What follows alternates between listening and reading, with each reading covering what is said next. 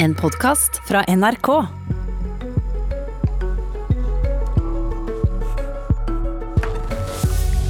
Hvem skal redde oss hvis fremmede makter hacker seg inn og lammer forsvaret vårt?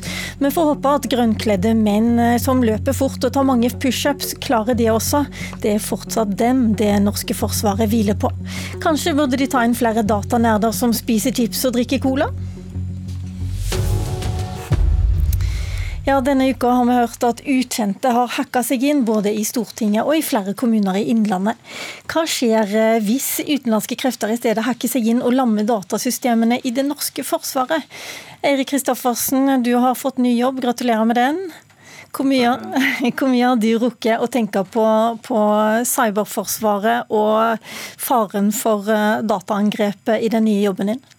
Jeg har tenkt veldig mye, mye på det. Altså, vi fikk jo et, et, en rapport fra Berit Svendsen-utvalget eh, allerede i vår, som departementet hadde bestilt. og Jeg har jo lest den rapporten og sett på, på det Berit Svendsen eh, foreslår der. Eh, I tillegg så er jeg jo en, en soldat med erfaring fra spesialstyrkene, og vi var helt avhengig av teknologi når vi opererte i Afghanistan og, og andre steder der, der, vi måtte jobbe sammen med, med andre ressurser fra, fra amerikanske, engelske koalisjonsfly, eh, droner og alt som, er, som, som det et høyteknologisk forsvar er avhengig av. La oss høre med Berit Svendsen eh, som er med oss eh, nå. Vi deg i Dagsnytt og Nyhetsmorgen i dag. Du har ledet oss et utvalg med spesielt fokus på rekruttering av personell. Og Der har ikke Forsvaret hengt med på utviklingen, er din oppfatning. Hva er problemet med måten Forsvaret rekrutterer på? Ja, God morgen. Eh, Forsvaret har en hovedstrategi på rekruttering, eh, og det er rekruttering inn til førstegangstjeneste.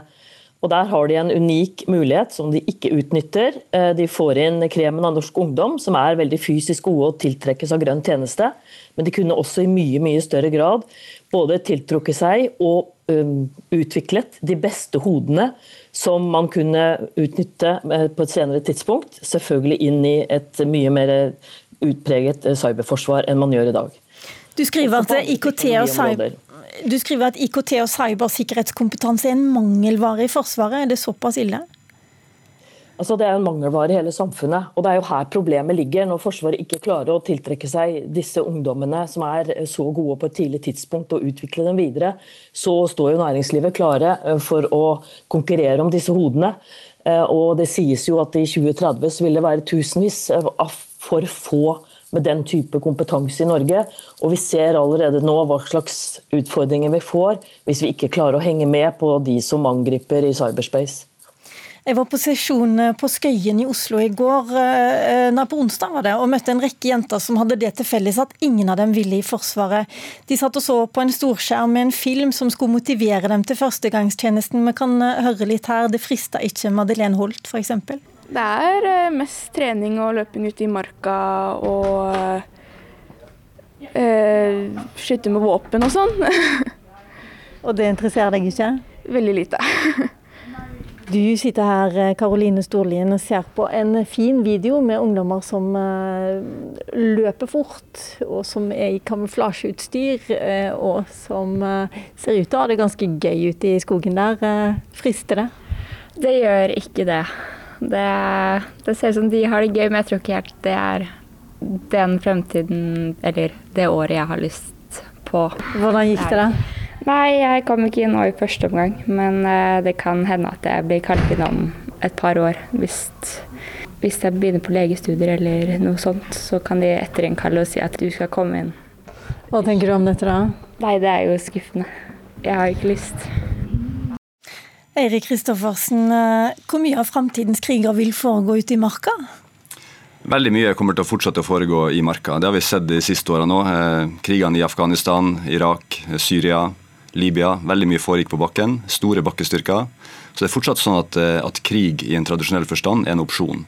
Vi har sett bruk av militærmakt i, i Ukraina, både i Krim og, og i, og i Øst-Ukraina. Og vi har sett bruk av militærmakt i Georgia. Så, så så militærmakt i tradisjonell forstand er fortsatt en mulighet. Men samtidig så ser vi også at, eh, at teknologiutviklinga og truslene også kommer mer sammensatt og mer komplekst, eh, og inkluderer også cyberdomenet. I hele morgen, eh, morgenen i dag så har vi hørt eh, en av jentene som var på sesjon, som, som ville studere datateknologi, men Forsvaret var fullstendig uinteressant. Er dere for lite flinke til å tiltrekke dere den type hoder? Ja, Det er jo det som Berit Svendsen-utvalget påpeker. og Det er derfor vi skal se på den rapporten nå og så se hva vi kan gjøre annerledes. Så Det er en ønska rapport, nettopp for at vi skal øke mangfoldet i Forsvaret. Og så mener jeg fortsatt bestemt at det er ingen motsetning mellom å være i god fysisk form og være flink på teknologi og data. Det har jeg sett mange eksempler på at, eh, at vi klarer det. Eh, det er fortsatt sånn at Forsvaret må utdanne soldater. og så, eh, og så er vi på en måte soldater i bunn, men så gjør vi også veldig mye annet. Så fysiske krav vil fortsatt være en del av Forsvaret. Men vi skal jo selvfølgelig se på hvor streng er de kravene. Jeg ser at eh, For å bli cybertekniker f.eks., så må man eh, kaste en medisinball så og så langt og ha så og så god stille lengde og springe 3000 meter på under et kvarter, hvis man er jente i hvert fall. Er det egentlig nødvendig, hvis det er de beste datanerdehodene du vil ha? Jeg tenker at det ikke er noen motsetning mellom det. Vi har, vi har ganske moderate fysiske krav. Eh, jeg har sjøl vært med på å lage en tropp for bare kvinner i spesialstyrkene, der vi satte kravene Eh, ganske lavt innledningsvis. Og så har vi sett at fysisk styrke er kanskje det vi kan trene lettest. Eh, så, eh, så, vi må ikke ha for strenge krav, det er jeg helt enig med, med deg i. Men et visst minimum må det være, da. Er det et problem at ni av ti ansatte i det norske forsvaret av de militært ansatte er menn? Bare én av ti er kvinner? Det er jo derfor vi har Derfor departementet har satt ned Svendsen-utvalget. Vi må tiltrekke oss flere kvinner. Men Det har departementet gjort, men hva har du gjort, eller hva skal du gjøre? Det jeg skal gjøre er jo, For det første så ønsker jeg å øke andelen kvinner i verneplikt, eh, verneplikten. Eh, vi har nå ca. mellom 25 og 30% som kalles inn årlig. og I og med at det er en verneplikt som ligger til grunn, så kan vi i teorien da kalle inn 50-50. Eh, og så må Forsvaret gjøre det vi kan for at de kvinnene som vi kaller inn, ønsker å fortsette i Forsvaret. At vi har lagt til rette for dem med utstyr, våpen, rom, kaserner de bor på. Og Der er fortsatt eh, Forsvaret, i, ikke bare i Norge, men hele verden, preget av at det er menn som har utvikla eh, både utstyr og, og våpen i, i, mange mange generasjoner. Og En fugl har hviska meg i at når du valgte dine nærmeste medarbeidere, så fant du ikke plass til noen damer der heller? Jeg har, Min nærmeste medarbeider er stabssjefen i, i, i, Forsvaret, altså sjef for Forsvarsstaben, Elisabeth Nattvik. To av fire trestjerners generaler er er kvinner. Eh, når det kommer til mine aller nærmeste, så er det Som du nettopp har ansatt, så er det, så er det bare menn? Menn, og, det er to menn som er på militærassistent, og så er det en uh, major som er mann nå. Det stemmer. Berit Svendsen, du har hørt på oss nå. Høres det ut som om Forsvaret er i endring, syns du?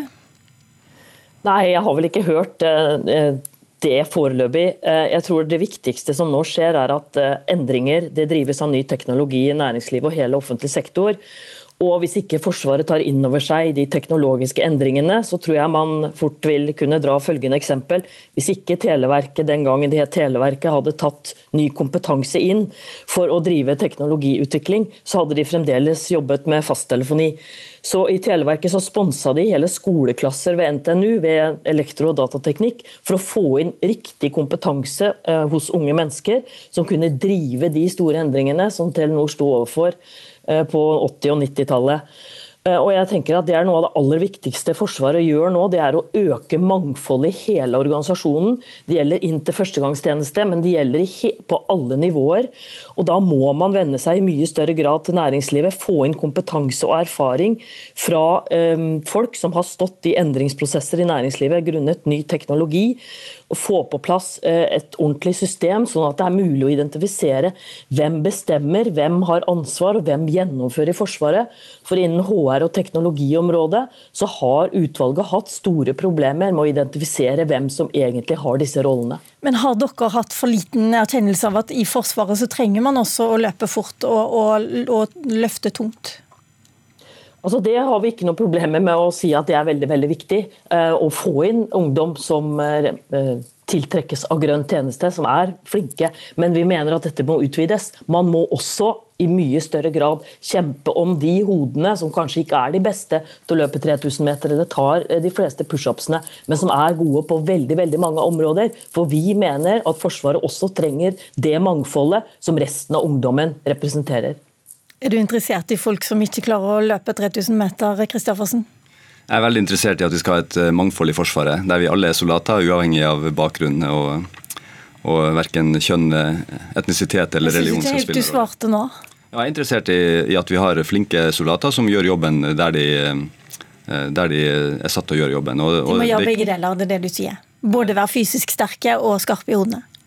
De må ha et minimum av fysiske krav, det vil de alltid ha. Det forventes av oss i Forsvaret at vi skal virke også i krise og krig, og da er et minimum av fysiske krav helt nødvendig. Det er fortsatt sånn at, at, eh, at krig foregår uh, ute blant folk, og, og ikke nødvendigvis bare bak en PC helt alene.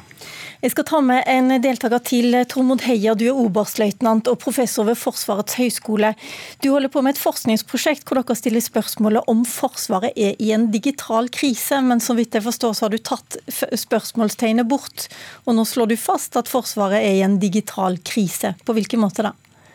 Nei da, Det som de sagt er sånn, det føyer seg inn i en, en, litt lengre rekke av eh, tidligere kritikker som har kommet, både fra Riksrevisjonen allerede i 2011, gjennom McKinsey-rapporten i 2015 og sjefen for cyberforsvaret i Arendalsuka i fjor, som sa at eh, Forsvaret er ikke flinke verken til å samarbeide internt, de, vi har store tillitsutfordringer internt, og vi har sågar sterke maktkamper internt i egen organisasjon. Og Dette er forhold som er eh, for så vidt vel kjent, men kanskje underkommunisert utad.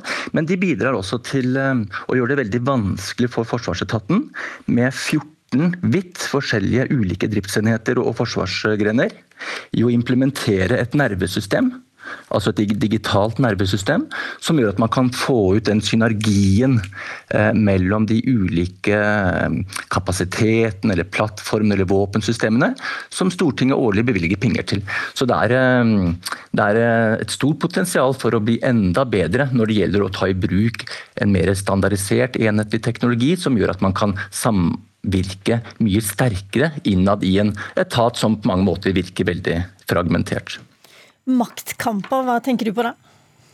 Nei, Det er uklare roller og ansvarsforhold mellom f.eks. Luftforsvaret, Sjøforsvaret, Hæren, eh, Forsvarets logistikkorganisasjon i forhold til, og Cyberforsvaret i forhold til hvem skal gjøre hva når man skal implementere eh, IKT-systemer som eh, skal styrke den nasjonale forsvarsevnen, og særlig Forsvaret mot eh, cyberangrep fra, fra utsiden. Så dette berører egentlig den norske forsvarsevnen helt eh, direkte, og mye av dette er sånn, som sagt. Det skyldes den styringsmodellen man har, eh, med en relativt sånn sterk eh, hva skal jeg si, grenvis rivalisering. Forsvaret har f.eks. i dag mer enn 200 IKT-systemer som ikke kan kommunisere seg imellom. Så Det er en direkte eh, dysfunksjonell innretning med hensyn til å få ut mest mulig forsvarsevne for de pengene som Forsvaret får hvert år. Det høres ut som om du skal få det travelt, Kristoffersen. Jeg kommer til å få det veldig travelt, og, jeg er veldig enig med både Berit Svendsen og Tormod Heier i at, at, vi må gjøre en skikkelig jobb med å, med å sørge for at vi får eh, enklere, bedre systemer som gjør at sikrer at vi kan snakke sammen. Og så er det sånn at Vi er fortsatt et høyteknologisk forsvar og kommer til å være det i fremtida òg. Og senest denne uka her så hadde vi amerikanske bombefly over Norge som snakka med norske hærsoldater i, eh, i nord Eh, idet de fløy over, over, landet vårt. Så, så, vi får til mye på teknologisida, men eh, vi har en lang vei å gå. Eh, både i Forsvaret og, og, som resten av samfunnet også har. Men altså, Hvor vil du begynne? Bare, nå har jeg hørt her, Du har en alderssammensetning i Cyberforsvaret. Det er de som skal jobbe med IKT. Og så, du, så hører du her at det er maktkamp mellom de ulike forsvarsgrenene. Hæren, luftvåpenet og, og Sjøforsvaret. Hvor skal du begynne? Jeg skal begynne med å finne ut og, og og, bestemme hvilket primært system vi skal jobbe på for å sikre at vi får et samvirke mellom hær, sjø og luftforsvaret. For det, og det er helt essensielt at vi, har, at vi har det samme systemet som vi alle jobber mot. Og, men så holder det ikke bare med ett system i Forsvaret. Vi må ha redundans. Det betyr at vi må ha et primært, vi må ha et alternativt, og vi må ha en, en par backup-system i tillegg. Så, så, vi må få samla alle de nesten 200 systemene som Tormod Heier snakka om, ned til noen, noen færre. da. Nå har vi 20 sekunder igjen, Heia. Hva er det som står på spill her? Nei, Det som står på spill, er vel egentlig eh, det norske forsvarets egen evne til å beskytte seg selv mot det som på mange måter både Politiets sikkerhetstjeneste og Etterretningstjenesten har sagt er de største sikkerhetsutfordringene i dag. Og det er eh, cyberangrep fra eh, andre land eller aktører som prøver å skade oss. Jeg tror bare vi rekker da til slutt å si lykke til, Erik Kristoffersen, med, med, alt du skal i gang med som ny forsvarssjef. Takk for at du kom til Politisk kvarter. Tusen takk også til Tor, Tormod Heier, som er oberstløytnant, og til Berit Svendsen, leder i utvalget.